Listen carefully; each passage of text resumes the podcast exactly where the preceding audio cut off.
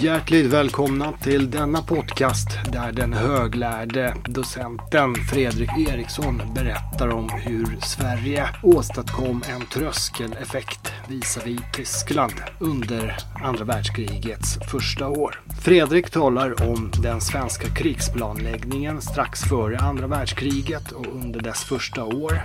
Han diskuterar olika krigsfall om hur dessa korrigerades i takt med krigsutvecklingen. Han pratar om den improviserade krigsplanläggningen som fick företas efter att Norge invaderades och Sverige hotades västerifrån. Han pratar om permitteringstrafiken som stöter sten mellan den svenska och tyska regeringen. Han pratar om tyska påverkansoperationer och sist men inte minst pratar han om Jämtlandsmanövern som företogs tidigt 1942 Jämtland, Härjedalen, Dalarna och övre Norrland där Sverige visar avsikt att bekämpa eventuell tysk invasion samtidigt som man då genomför en påverkansoperation gentemot Tyskland genom olika kanaler. Välkomna till denna podcast som produceras av ämnet militärhistoria på Försvarshögskolan. Jag är docent och lärare vid militärhistoriska avdelningen och jag heter Piotr Wawrzeniuk.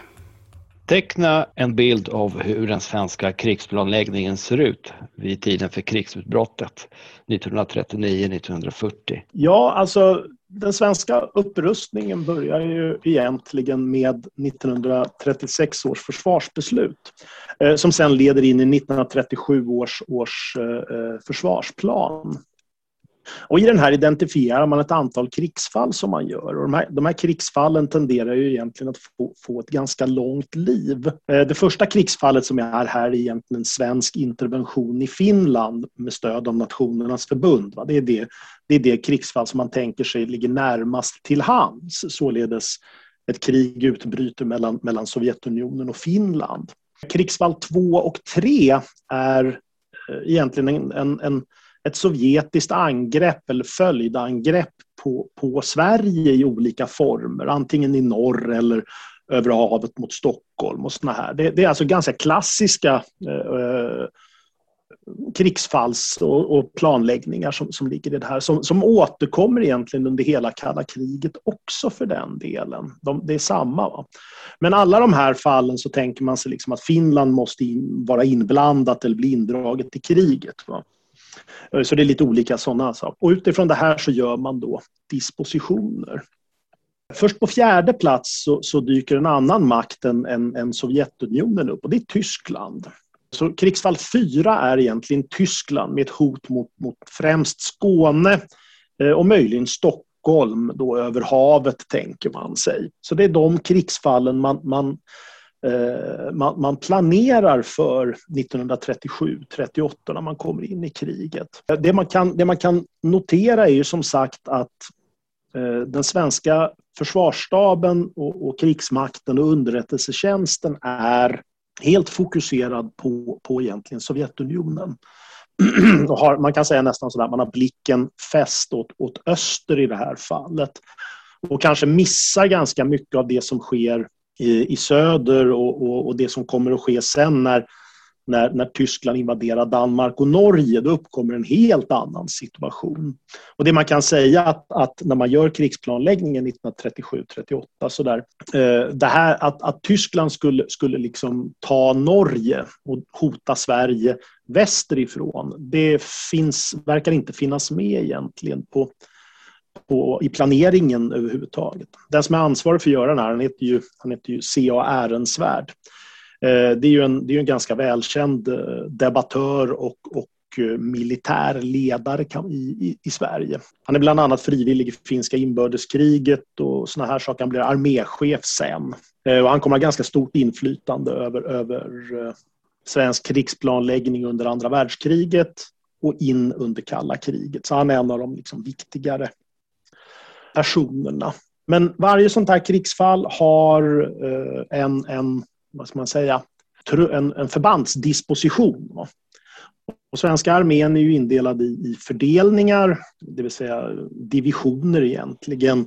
Och svenska fördelningar i det här fallet de är ju, de är ju ganska lika divisioner i, i, andra, i andra länder. Och har, de har också en fast indelning, vilket de inte kommer att ha under kalla kriget. Så det är en viss skillnad. Sådär. Eh, man är också indelad i armékårer. två armékårer finns eh, innan kriget och så finns det då Gotlands trupper och övre Norrlands trupper och såna här eh, förband. Va? Alltså olika fästningar och liknande.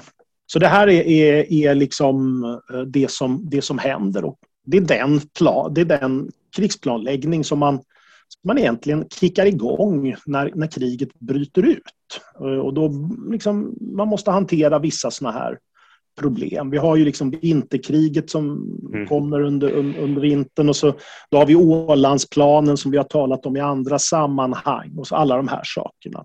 Men det Sverige gör när, när kriget bryter ut, det är ju just att, att liksom man lägger ut minor och man liksom hanterar det här och, och börjar med en beredskapsutbildning av, av, av soldater och, och så vidare. Och sen så kommer ju då liksom 9, 9 april 1940. Och då blir allting oerhört problematiskt. Eftersom att eh, i och för sig så ser ju underrättelsetjänsten att det, kom, det finns förvarningar, man vet inte riktigt exakt vad som kommer att hända, men man är ganska klar över det här. Det här är, är, är liksom ett, ett problem, men om man tittar på planerna före kriget så har, har liksom krigsfall 4, det här kriget mot Tyskland, va? det har inte alls förutsett någonting i stil med Weser-Übung. Eh, och det här är något av en, liksom en mardröm för, för, eh, för, för den svenska eh, försvarsstaben och den svenska regeringen.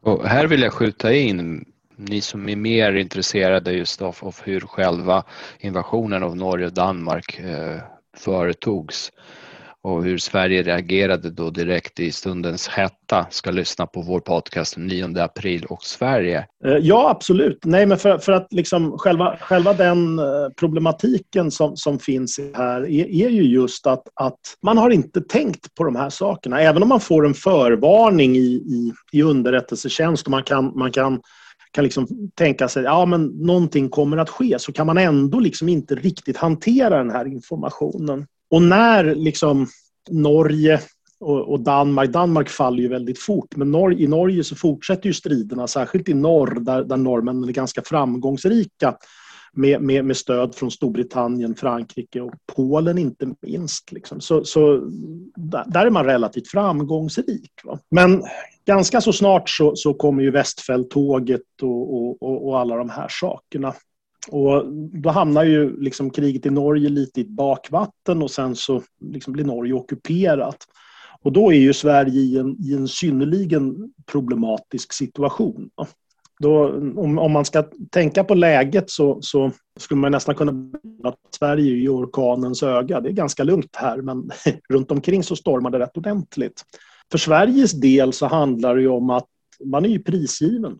Man måste ju komma ihåg att alliansen mellan Nazityskland och Sovjetunionen fortfarande gäller efter de har delat upp Polen mellan sig och, och Finland har förlorat vinterkriget, de baltiska staterna är annekterade och så vidare. Va? Så att Sverige har ju, ingen, har ju, har ju nästan ingen möjlighet att, att, att liksom handla med västmakter och såna här saker. Det, det, det är helt omöjligt. Så om man säger någonting om principerna för det strategiska eh, läget och så vidare, hur Sverige agerar, så handlar det om att man måste, eh, man måste bevara någon form av trovärdighet som neutral stat. Och när man då är neutral och just i det här läget med, med liksom olika Eh, hot både i öster och, och i väster egentligen så handlar det om att avskräckning, en gammal klassiker i, i strategiska sammanhang eh, och att fördröja ett, ett potentiellt krigsinträde så länge det överhuvudtaget går va? för att man ska hinna bygga upp och, och förbereda sig. Så de allmänna operativa principerna är ju rent defensiva. Man är ju tvungen att liksom eh, hålla Eh, en, en helt defensiv hållning egentligen.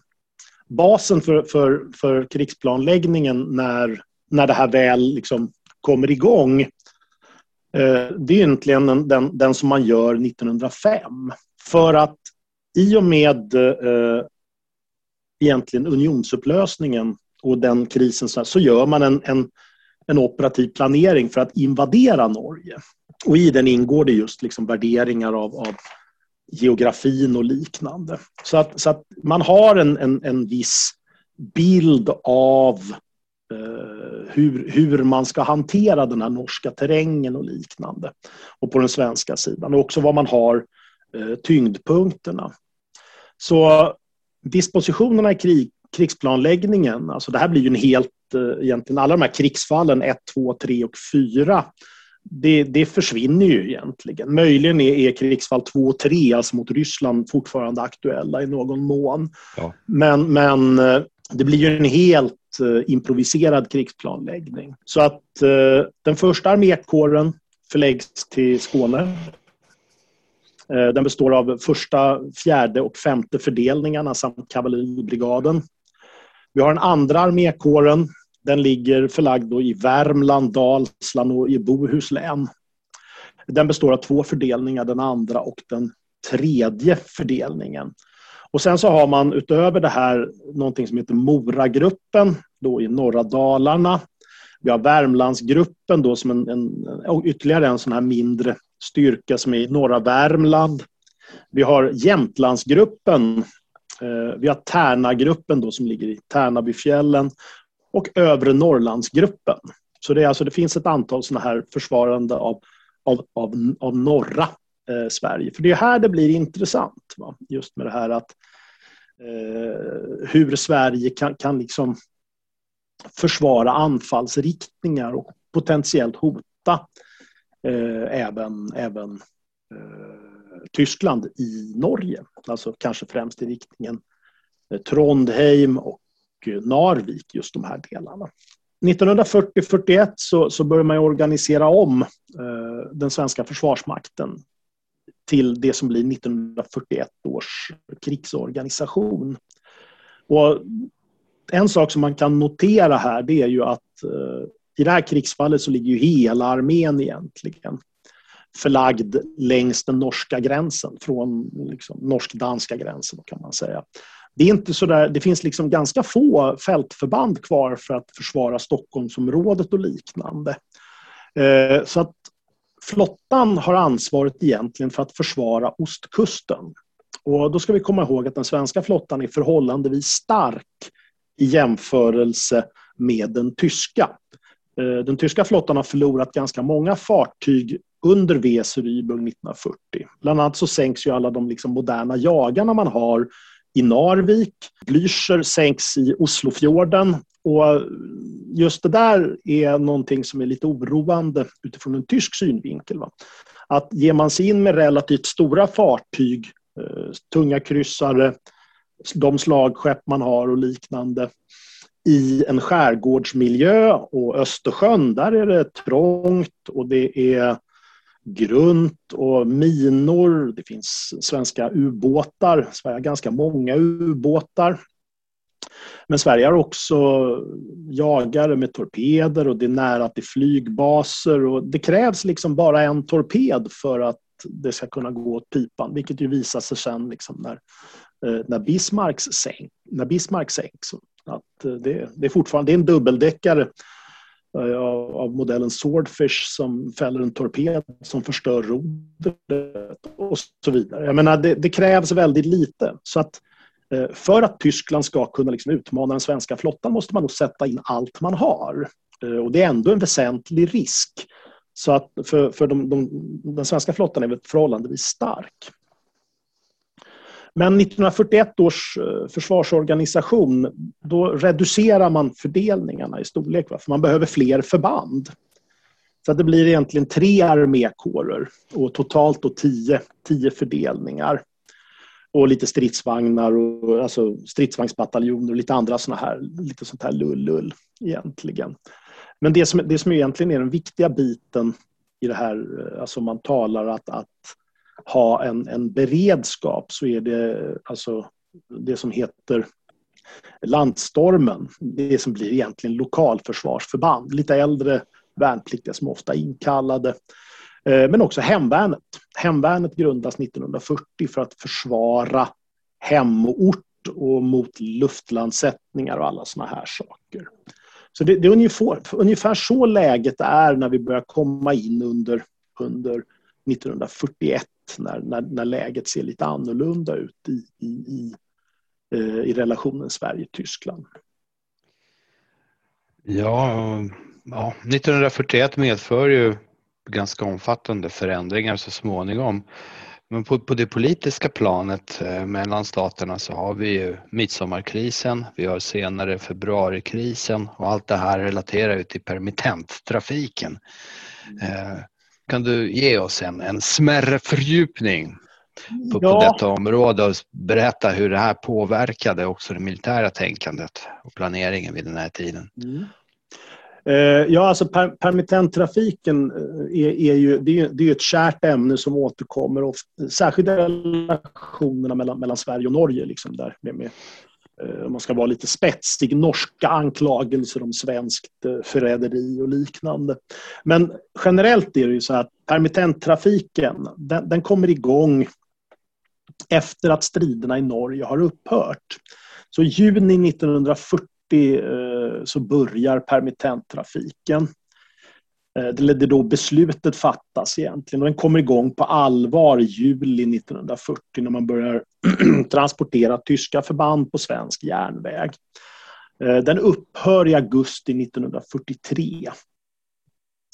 Eh, generellt så går de här tågen genom Sverige över, över liksom till, från Danmark och in i Trelleborg och så går de norrut Eh, Trelleborg, Helsingborg beroende på någon av dessa och sen så går de norrut genom Sverige. Eh, och de går upp i Norge och vissa går in i Finland. Eh, Finland blir ju som sagt, som du nämnde, eh, midsommarkrisen. Det finns en annan del av, av eh, permittenttrafiken som egentligen inte bara handlar om permittenter och det, utan det, och det är ju liksom eh, transport, underhållstransporter. Och den viktiga delen av, av det kallas för hästskotrafiken. Och den kommer igång samtidigt. Och det är ju det att järnvägarna i Norge de kommer, går upp till Trondheim. Sen går inte järnväg längre norrut under den här tiden. Utan Ska man åka järnväg eller transportera någonting på järnväg längre ut i Norge, till Narvik exempelvis, så går man genom Sverige. Och då blir det som en hästsko ser ut på kartan egentligen. För man går in då från Trondheim in i Storlien och så går man Storlien, Östersund, Riksgränsen och sen in i Narvik. Så det blir som en hästsko nästan så här in i Sverige. Och det här är väldigt viktigt för att försörja Nordnorge eh, i det här. Eh, Sen nämnde du som sagt midsommarkrisen. Och midsommarkrisen det är ju, det är ju ett kärt återkommande eh, ämne för, för, för, svenska historiker som i generationer har gjort det här som en källkritisk övning om vad vi egentligen kan veta om det här. Men det är, det är en väldigt intressant eh, övning egentligen. Kort sagt handlar det om att Tyskland eh, den 22 juni 1941 i samband med operation Barbarossa begär att Eh, få transitera 100, eller skicka egentligen 163 infanteridivisionen genom Sverige till Finland på svensk järnväg.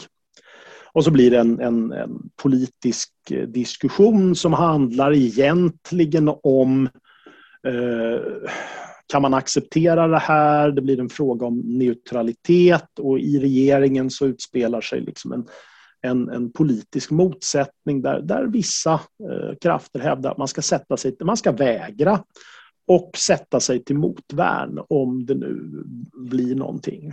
Ernst Wigfors är en av dem som hävdar det bland annat.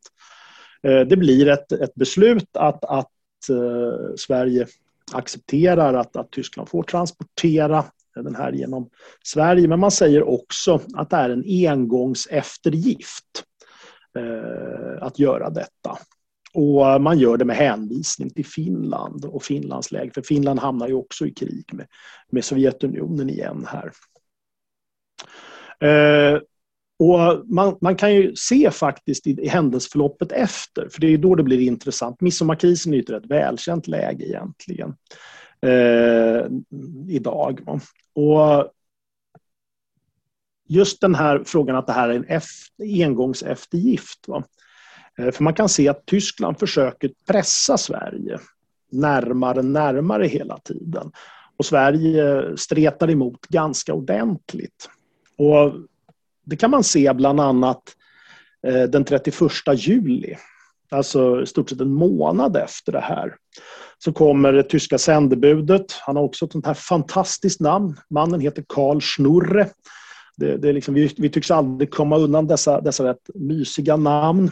Men det, det, det är en, uh, han är tysk, alltså liksom ett tyskt sändebud som kommer med en begäran att, att få transitera ytterligare en division genom Sverige. Uh, och svaret blir då nej, Sverige går inte med på det här. Sverige accepterar inte att Tyskland får transitera ytterligare en division på svensk järnväg. Eh, tyskarna accepterar, men, men Karl Schnurre beklagar det här svenska agerandet. Va? Det som man istället faktiskt tillåter det är att de får gå på tyska fartyg genom svenskt territorialvatten. Det accepterar Sverige. Och det är en viss skillnad för det blir inte samma typ av, av säkerhetsproblem att du har liksom ja, sådär 8-10 000 man, eh, tyska soldater med vapen, i och för sig om vapnen är liksom inlåsta i vagnar. Va? Men det är ändå relativt problematiskt att ha det på det sättet. Och Det här kan man se under, under hösten egentligen. Eh, 1941. Att när kriget med, det tyska kriget med Sovjetunionen har brutit ut så, så tuffar Sverige till sig ganska mycket. Eh, så att den här norska bilden att Sverige i stort sett går med på allting eh, när, när Tyskland kommer och, och, och, och begär, den verkar ju inte egentligen stämma särskilt väl med verkligheten eftersom att eh, man kan titta på, på liksom olika faktorer i det här. Och under hösten så kriget på, på Murmanfronten där, där Tyskland försöker liksom anfalla i riktning Murmansk, det går ju rent ut sagt riktigt dåligt. De kommer några mil in i Sovjetunionen eh, och hamnar egentligen i det som kallas för Litz, eller blir Litsafronten som den heter. Och där stannar man till 1944 för man kommer ingenstans i det här området. Och det har att göra med logistik och, och, och, och klimat och andra sådana saker. Eh, så i september 41 så begär Tyskland att få köpa tält och last, hyra lastbilar och sådär för att transportera eh, barack, träbaracker, så nyckelfärdiga träbaracker som man har köpt, eh, som Sverige har sålt till Tyskland. Och ja, Sverige går ju med på det här, men bara ett litet sånt här tillägg det är att Sverige ska få transportera, köpa nickelmalm av Finland och transportera tillbaka med de här lastbilarna som man då organiserar. Nickelmalm, det är ju Petsam och det är Petsam, ja precis exakt så. Eh, så att det kommer ju den här vägen in i Sverige. Sverige säljer lite eh, tält och kaminer egentligen i september. I oktober så kommer tyskarna tillbaka och vill köpa vinterutrustning och hyra svenska tankfartyg och annat för trafik i Norge. Eh, och då nekar Sverige. Att, eh, så att det finns en sån här liksom, hit men inte längre hela tiden i den här relationen. Eh, I november 1941 så kommer Tyskland att begära att få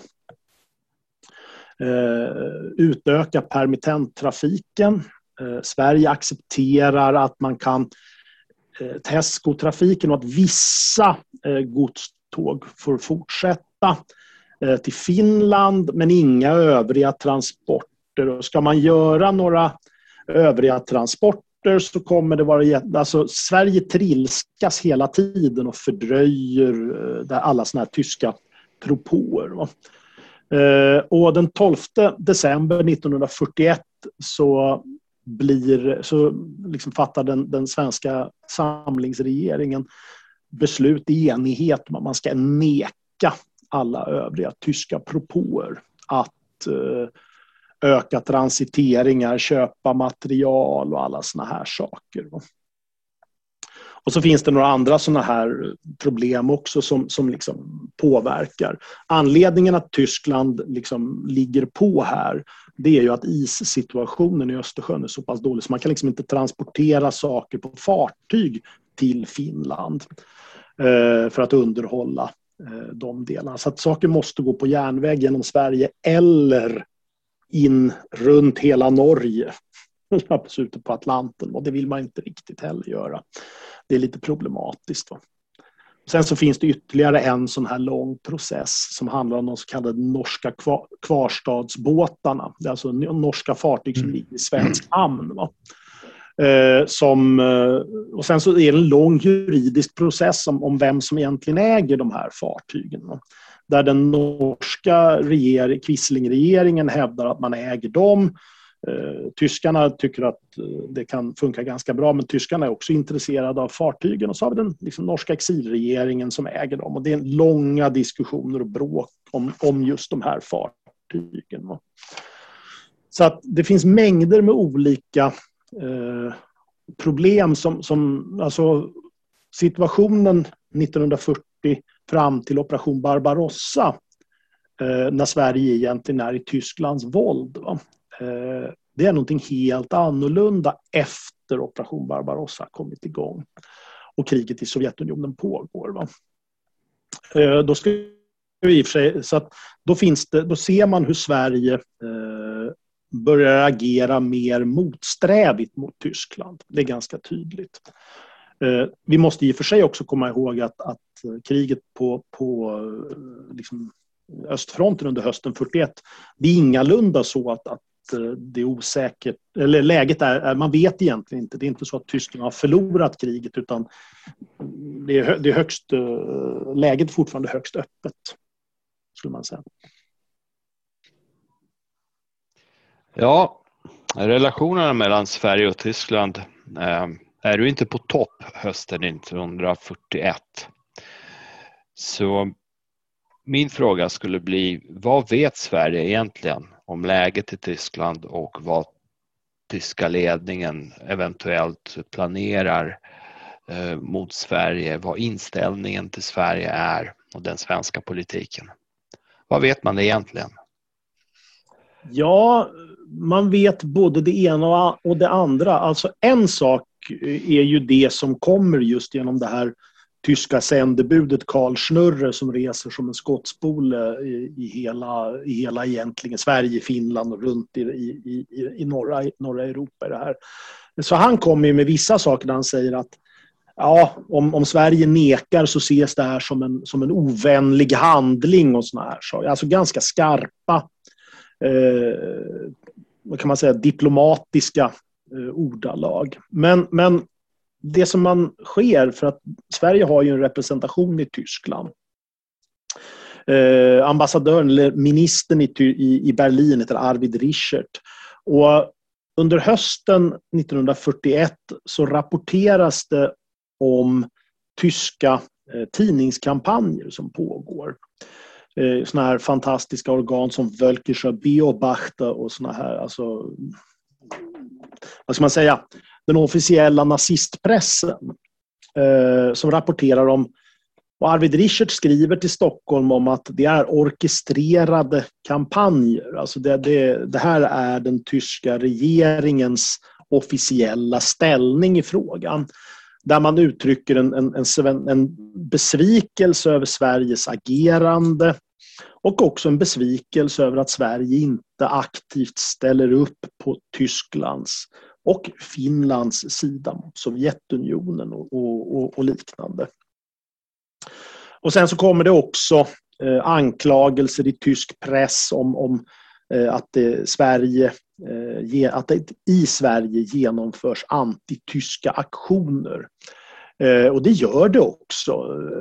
Eh, några sådana här saker som sker är ju, är ju eh, alltså svenska sympatiyttringar för Norge finns ju såna här organisationer som Nordens frihet och, och, och flera andra såna här eh, som aktivt eh, ägnar sig åt demonstrationer. Man har fanborgar, man har fackeltåg och alla möjliga såna här saker.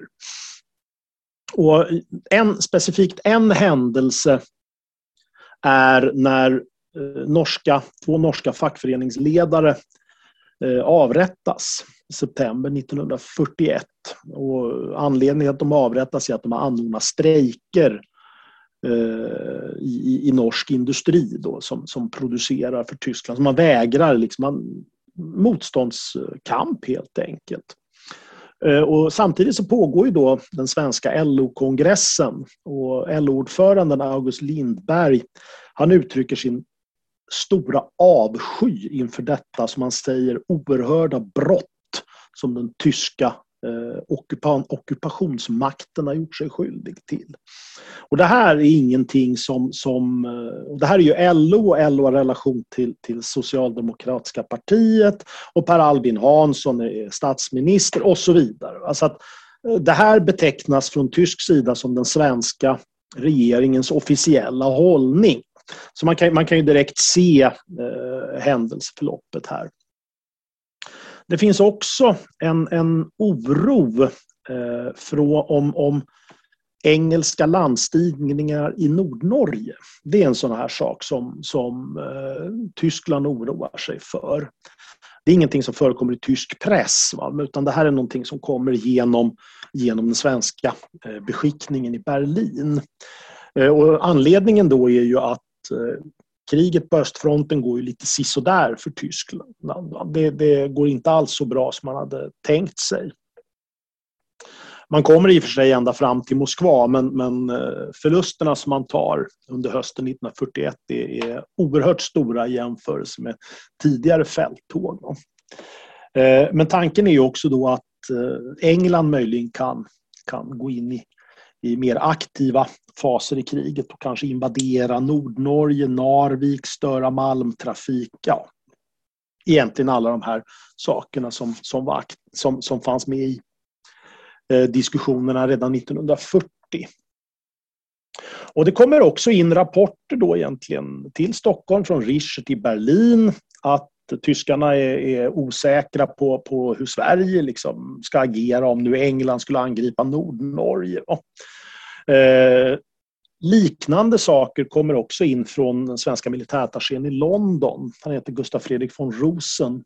Och han rapporterar också om, om, eh, delvis om engelska planer men också om att tyskarna är lite oroliga för det här.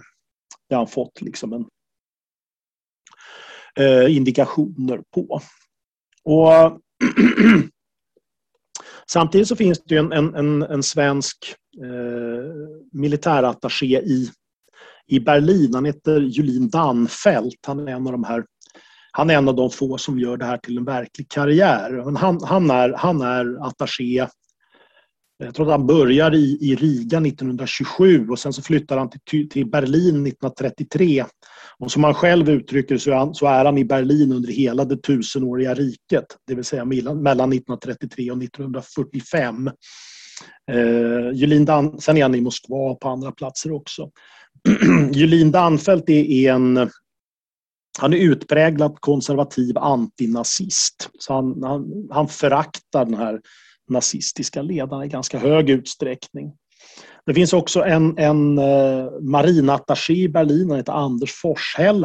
Eh, han är eh, lite mer eh, ja, nazivänlig skulle man kunna säga. Nazist kan man också säga, vilket är lite mer ovanligt just i, i, i marinkretsar eftersom de brukar vara ganska eh, vänligt inställda till Royal Navy och liknande. Men, men. och eh, Sen finns det också en svensk flygattaché i Berlin. Så man har alltså ganska många militärer på plats som, som bevakar det här. Eh, och en sån eh, rapport som inflyter från Julin Danfelt eh, som har att göra med det här är just att ja, Tyskland kan mycket väl segra mot Sovjetunionen och då kommer man att vända sig västerut igen för att ta hand om England och liksom avsluta kriget. Och då kommer man att ta hand om Sverige innan så sker. Man vill inte ha Sverige kvar eh, som en potentiellt fientlig makt om det nu är så, om så är fallet. Va? Så under hösten 41 så flyter det in såna här rapporter hela tiden om att Tyskland nog möjligen faktiskt eh, planerar någonting.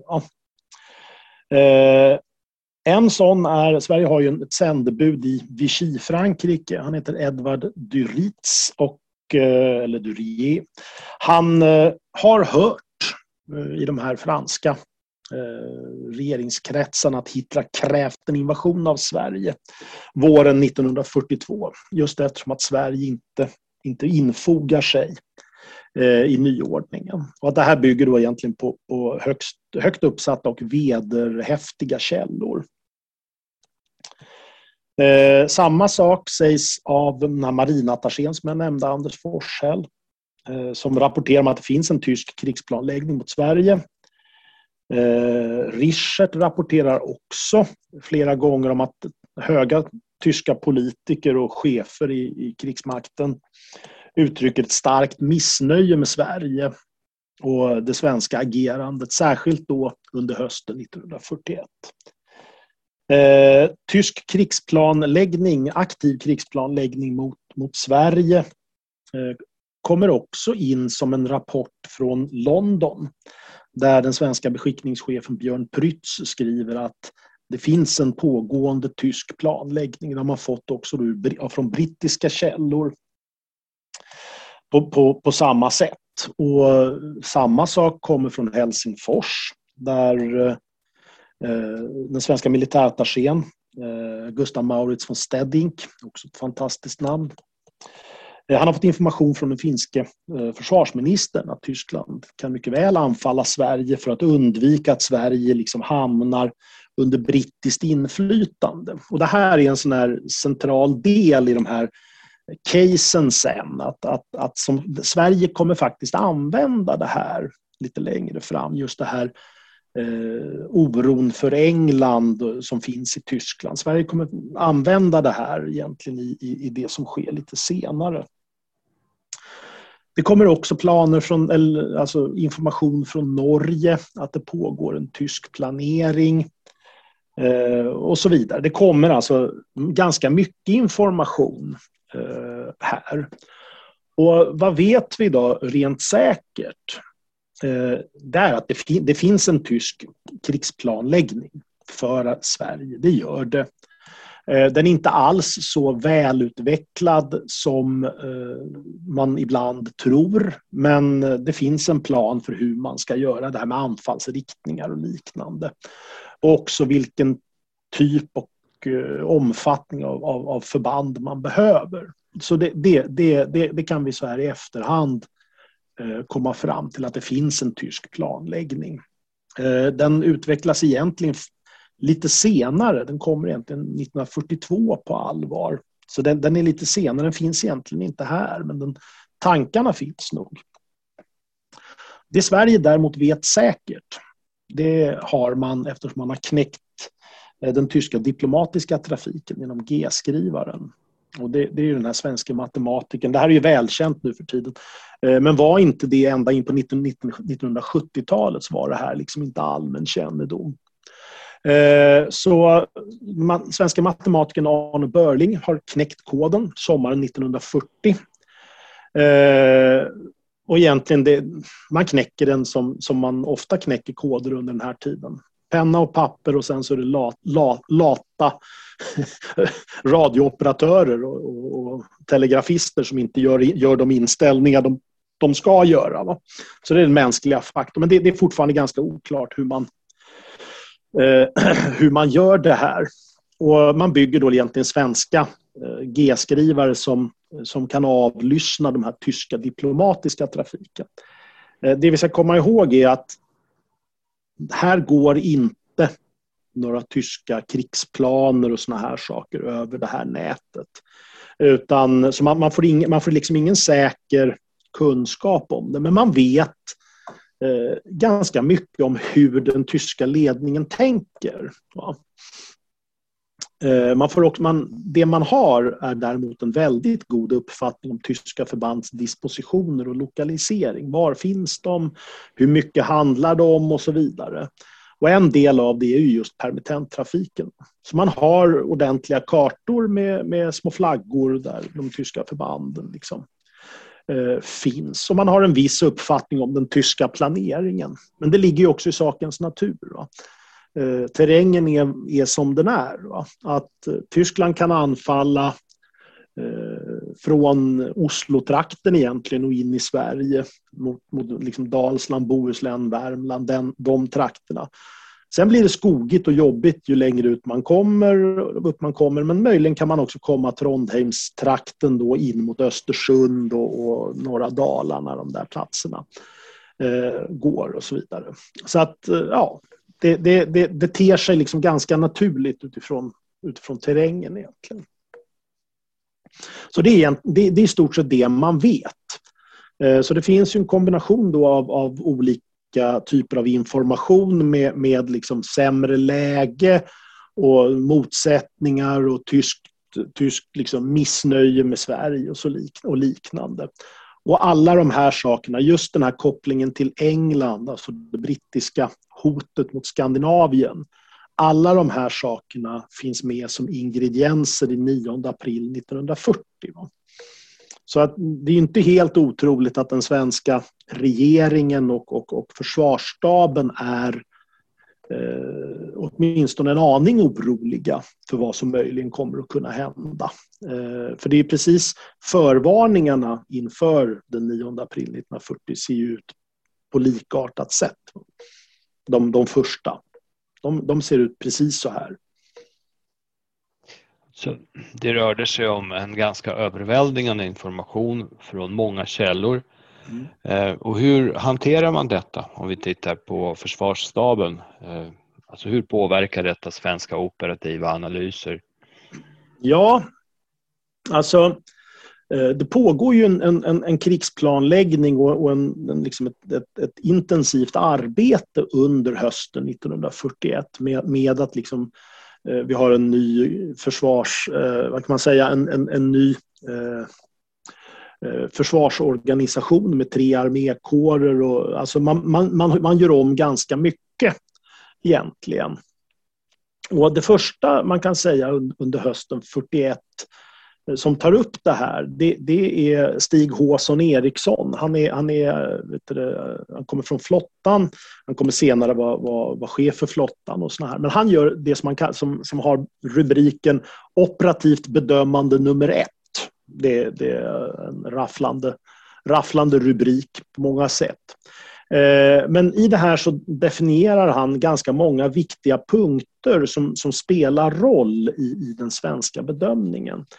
Eh, han räknar med att Tyskland kommer segra i kriget på östfronten. Eh, och han poängterar också, men om det nu inte sker va, så är hans resonemang mer osäkra. Eh, han menar då att den tyska planläggningen för England kommer återupptas. Eh, han för då ett hypotetiskt resonemang att en eh, invasion av England kommer föregås av ett tyskt angrepp mot Sverige och en ockupation av Sverige. Anledningen då är att Sverige är opolitligt i Tysklands ögon. Och hans råd då är egentligen att, vi borde, att Sverige borde följa händelseutvecklingen mycket noggrant och hela tiden höja beredskapen för att eh, liksom, sätta sig till motvärn. Och det är precis det här som egentligen sker under hösten. Så det här, det här är ju en av de första liksom, bedömningarna som görs eh, om, om, omkring det här. I det här så flyter också eh, in rapporter från Julin Danfelt. Eh, som, och det, här påverkar också liksom hur, man, eh, hur man ser på läget och det påverkar också liksom den, den, den krigsplanläggningen egentligen. Men det är främst två rapporter som flyter in. Den första är från 5 november 1941. Eh, och då kommer rapport efter att Julin Danfelt har deltagit i en sån här attachéresa längs östfronten. Eh, och då fått, fått sig till livs det, det Tyskland vill servera dem i informationshänseende. Eh, han skriver att Tyskland är pressat och har tagit stora förluster men man är alltjämt eh, segerrika eh, och att man sannolikt eh, kommer att kunna knäcka Sovjetunionen. Och därefter så kommer eh, planläggningen mot Storbritannien att återupptas. Så det, det, är det han skriver egentligen den 5 november. Och det här kanaliseras då in i, i, i de här olika eh, bedömningarna. Den som gör en egentligen mer eh, djuplodande analys det är chefen för arméoperationsavdelningen. Eh, han heter Nils Björk och han skriver ett PM den 29 november 1941 eh, där han egentligen bygger upp ett case Eh, där han säger att Tyskland kommer att ställa krav på Sverige och Sverige kommer inte tillmötesgå dem Eh, precis enligt det man har, som har hänt under hösten. Och därför kommer Tyskland att anfalla Sverige. Eh, anledningen är att Sverige är opolitligt i tyska ögon och därför måste Tyskland ta sig till ett preventiv-anfall. Det är liksom case två i det här. Va? Eh, case tre är att västmakterna landstiger i Nordnorge. Och Tyskland kommer då ställa krav på Sverige. Eh, och Sverige kommer vägra. Och då kommer Tyskland anfalla eh, Sverige. Sen finns det en bubblare här i slutet. Så det, det, är, det är egentligen det som finns eh, redan i samband med vinterkriget 1940. Det här med liksom ett Eh, England ska sättas i besittning av de svenska malmfälten egentligen och då kommer Sverige hamna i krig med England. Han, han tar egentligen inte det som sådär jätteallvarligt. Va? Men det han kommer fram till, den viktigaste slutsatsen här, alltså alldeles oavsett att vilken av de här tre casen som, som, som blir, blir allvar, så, så, så slutsatsen är att om Tyskland anfaller så måste Sverige få hjälp utifrån. Och då behövs en, en eh, svensk offensiv. Antingen mot eh, Trondheim eller mot Narvik. Och planeringen för det här måste man sätta igång omgående. Eh, I samband med det här så görs också den, den nya krigsfall 1 som det heter av någon anledning har Tyskland eh, seglat upp som hot nummer ett med anfall från Norge egentligen. Och eh, bara några dagar efter Björks PM så godkänner överbefälhavaren Olof Törnell det här. Olof Törnell är ju liksom inte helt oproblematisk i, i sammanhanget. Han, han har ju i efterhand eh, betecknats som synnerligen tyskvänlig och liknande. och därmed är också egentligen per definition nazist, men han är ganska långt ifrån nazist skulle jag säga. Eh, han är däremot tyskvänlig, likt ganska många av, av eh, den militära eliten här i Sverige, men, men av helt andra skäl än rent nazistiska. Eh, det handlar mer om att man är antikommunist och eh, antisovjetisk. Så det, det, det, är mer det som gör liksom, tyskvänligheten.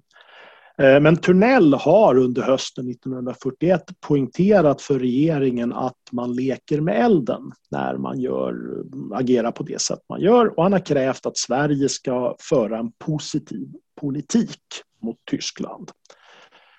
Eh, det här är regeringen eh, lyssnar inte inte på Tunnell i det här fallet utan man låter Tunnell sitta kvar som överbefälhavare eh, för att inte man ska utmana Tyskland just. Så att det, han har goda relationer med Tyskland, det ska vi komma ihåg. Eh, krigsfall 1, det nya som man, som man eh, sätter igång egentligen i, i, sent i, i hösten 41, vintern 41 har egentligen ett antal olika alternativ. Alltså det är sådär hur defensiv ska man vara? För alla, alla sådana här krigsfall har alternativ A1. Va? Eh, och alternativ A1 i det här fallet är att Tyskland har liksom förstärkt sina styrkor jättemycket i Norge och då måste Sverige vara jättedefensiv i, i stort sett. Va? Sen har man eh, alternativ A2, då har Tyskland inte förstärkt fullt lika mycket och då kan Sverige liksom vara defensiv men med vissa offensiva inslag. Eh, men det, den, den, intressanta och viktiga i det här fallet är, är, det som betecknas som alternativ B. Det vill säga att Tyskland kommer att anfalla Sverige utan att förstärka eh, styrkorna i Norge. Och det är då Sverige kan liksom anfalla in i Norge. Eh, så det man tänker sig då är väl egentligen en, en och det här är det man tror är, är, mest rimligt kanske. Då är det en kombination av tyska anfall från Norge in riktning Charlottenberg och så från Danmark in i Skåne och luftlandsättningar i Mellansverige, alltså ganska precis så här som eh, anfallen har sett ut på västfronten och östfronten tidigare i kriget. Va? Eh, Sverige är defensivt i de flesta riktningar. Men eh, man genomför en, planerar att genomföra då en svensk offensiv mot Trondheim och Mo i Rana i Norge. Och det är just för att öppna upp för att få in en, en, mm. en eh, kan man säga, potentiella eh, förstärkningar från västmakterna egentligen. Och det är ungefär där som man ligger i det här läget det man kan tillägga är ju det att eh, det kommer in ytterligare en rapport som är väldigt viktig i de här sammanhangen för det som liksom det här kommer eh, bli, alltså det, här, det som kallas för februarikrisen eh, egentligen, eller, eller liksom Eh, februarimanövern eller februarikrisen. Det, februarikrisen är liksom det vanliga namnet på den. Men eh, det är en rapport från eh, militärattachén i Berlin, Julin Danfelt, som den 10 februari 1942 skriver att han har från trovärdiga danska källor eh, fått att Tyskland kommer gå till anfall mot Sverige Totalt med ungefär 600 000 man samordnat från Norge, Danmark och Finland. Eh, den här, eh, det här anfallet är stött av femtekolonnare i Sverige eh, och Brandenburgare som det brukar kallas. Alltså, vad ska man säga, tyska specialförband eller liksom agenter i, i civila kläder som har in, innästlat sig i Sverige som kan, kommer genomföra sabotage och liknande. Eh, och att fartyg dras samman i Danzig och Königsberg för att kunna genomföra det här anfallet. Julin Danfelt skriver själv att han är lite osäker på de här uppgifterna främst eftersom att Eh, Eh, frågan är om Tyskland kan, kan ställa upp 600 000 man i det här läget och anfalla Sverige. Han, han, han, han skriver att äh, det här är nog egentligen inte eh, troligt att det kommer vara så stort. Problemet är dock att det är trovärdiga danska källor. Så det här är det som kommer spela in i det som blir eh, den så kallade februarikrisen sen.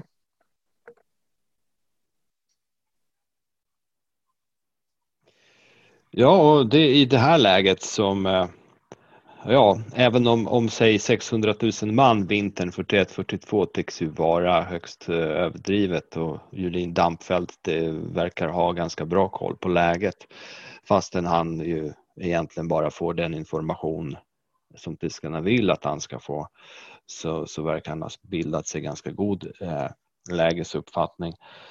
Eh, så bestämmer sig eh, Sverige för att agera.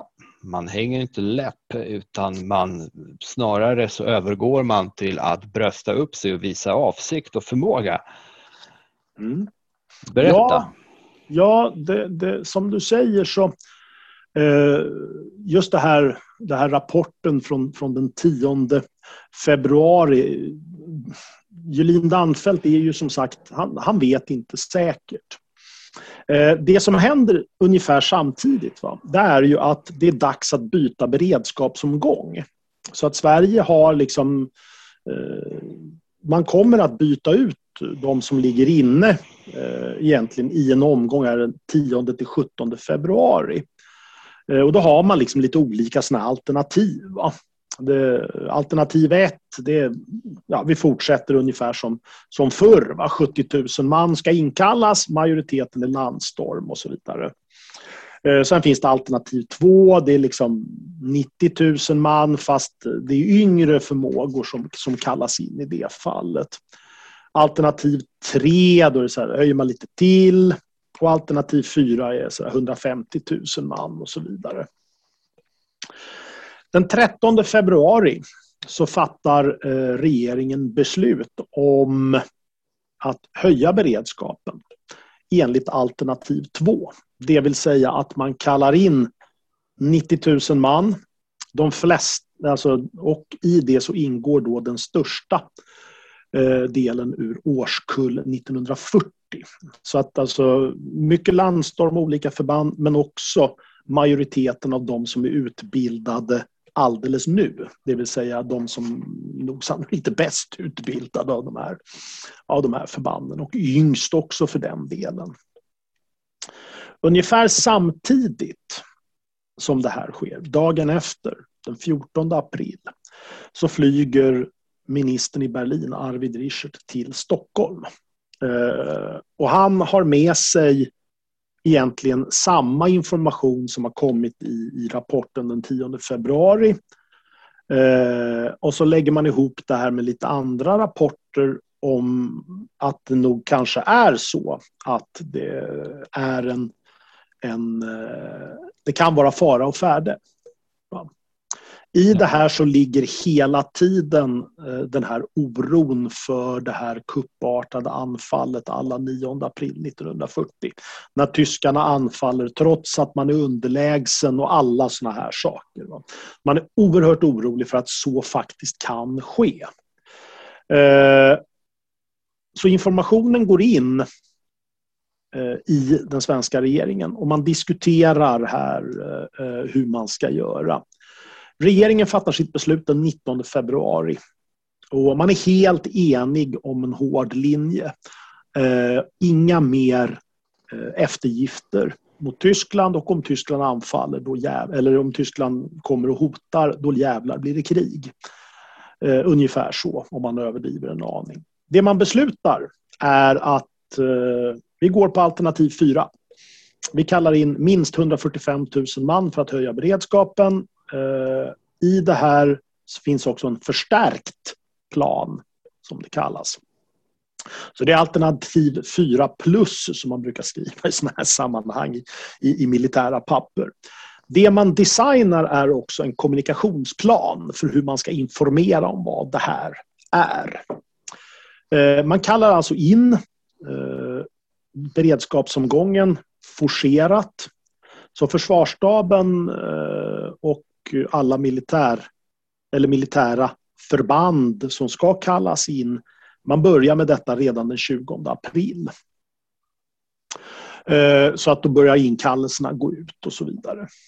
Och I slutet av februari, början av mars så genomför man det som kallas för Jämtlandsmanövern. Och det är alltså en övning som äger rum i Jämtland, Härjedalen, Dalarna och övre Norrland. Den 8 mars så övar totalt 82 bataljoner i Jämtland.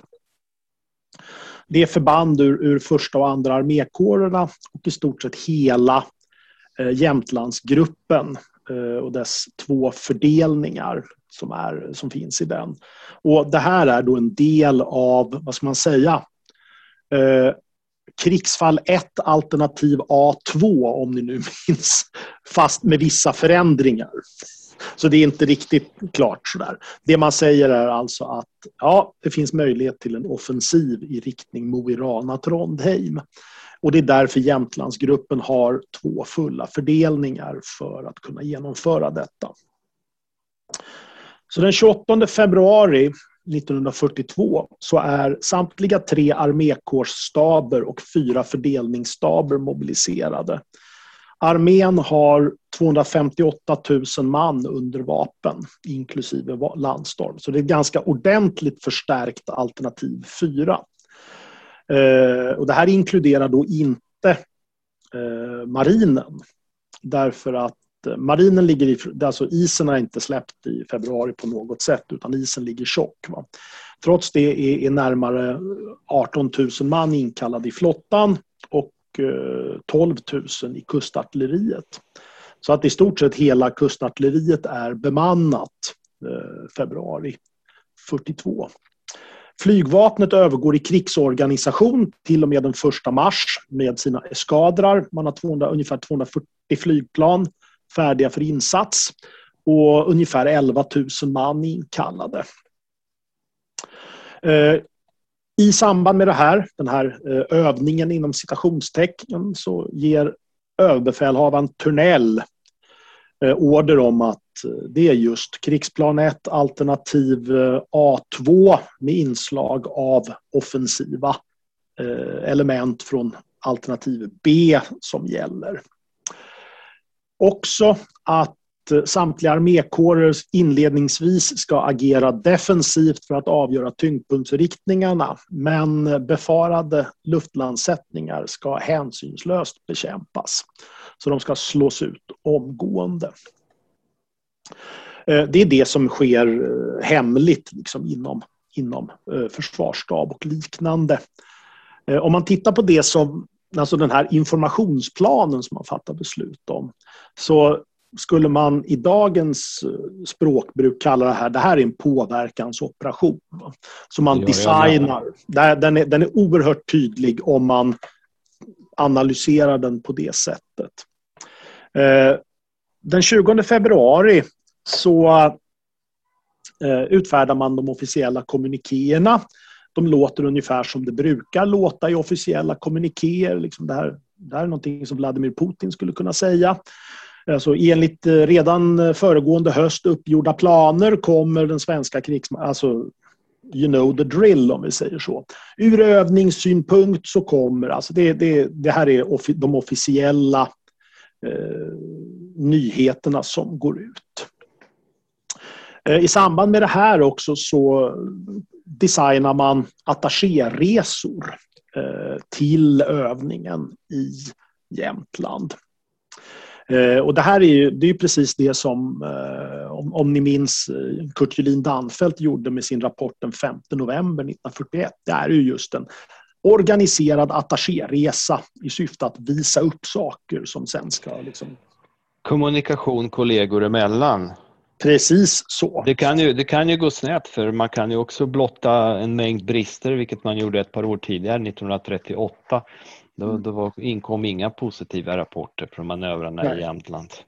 Nej, så att det, det varierar högst, hö, högst mycket mellan, mellan de här olika. Men skillnaden är ganska så stor 1942 och 1938. Eh, man har väsentligt bättre kapacitet när vi, ju längre vi kommer in under kriget egentligen. Så att man är, man är mycket bättre förberedd egentligen. Men bortsett från de här rent liksom, officiella eh, kommunikationerna då med liksom, kommunikéer och liknande eh, så skickar man information direkt till Tyskland. En sån är att Eh, den ställföreträdande chefen för försvarsstaben, eh, generalmajoren Samuel Åke Hjelm, han kallar upp den tyske militärattachén i Stockholm. Han är då överste, han kommer sen bli general. Han heter Bruno von Otman.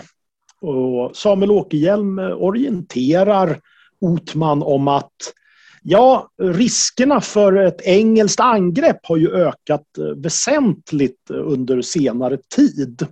Och just därför så har Sverige kallat in förband för en övning i norr. Eh, Åkerhielm berättar också att Sverige har eh, byggt ut försvarsställningarna längs den norska gränsen. Eh, delvis för att försvara mot ett potentiellt då, eh, engelska framstötar i norr mot, mot de svenska malmfälten men också bara så där rent allmänt egentligen. Och det finns då ordentliga bunkerlinjer och befästningar och minor och taggtråd och allt sånt här. Eh, ungefär samtidigt som det här sker så kommer ju den berömde Karl Schnurre återigen och besöker den svenska utrikesministern eh, den 23 februari och så ber han då Günther om en eh, kommer med en begäran om att vi ska, Tyskland vill transitera 6 000 man. Svaret kommer ganska omgående Eh, till Schnurre eh, där Sverige inte under några omständigheter medger en transitering eftersom att hela järnvägsnätet är upptaget av den här stora manövern. Samtidigt som Günther passar på att berätta för, för Karl Schnurre att Sverige kommer slåss eh, mot alla som potentiellt kommer att angripa landet.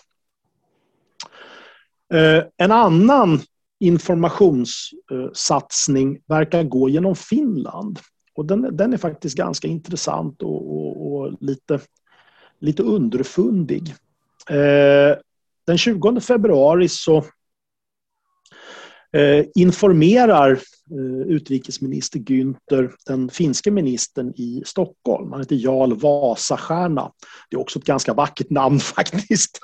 Eh, om läget i övningen och den svenska beredskapsstärkningen och, och, och liknande och vad anledningarna till det är. Även om, om Günther nog inte säger att anledningen är Tyskland så där direkt. Det gör han nog i och för sig, möjligen till Vasastjärna. Men men eh, syftet med det här är ju som sagt att informationen ska gå vidare. Och Vasastjärna informerar i sin tur Karl Schnurre eh, om den svenska manövern. Så att man kan säga sådär att den tyska, eh, den tyska propån den 23 februari är nog ett tyskt försök att se det här på Menar de allvar nu eller kan vi, kan vi trycka dem eh, lite åt det hållet? Det som är tydligt är dock att Vasastjärna eh, berättar att, att eh, risken för en engelsk landstigning i Nordnorge, det är nog det som är, är anledningen här. Och att Finland är jätteoroliga för det här och eftersom att då just att ett, ett tyskt angrepp på, på Sverige det är jätteproblematiskt utifrån en finsk synvinkel. Va? Eftersom att eh, Sverige levererar ju varor till Finland och dessutom vill liksom Sverige och Finland kan liksom inte hamna på olika sidor i en konflikt och liknande. Så att det finns liksom en finsk påtryckning mot Tyskland i det här fallet. Va?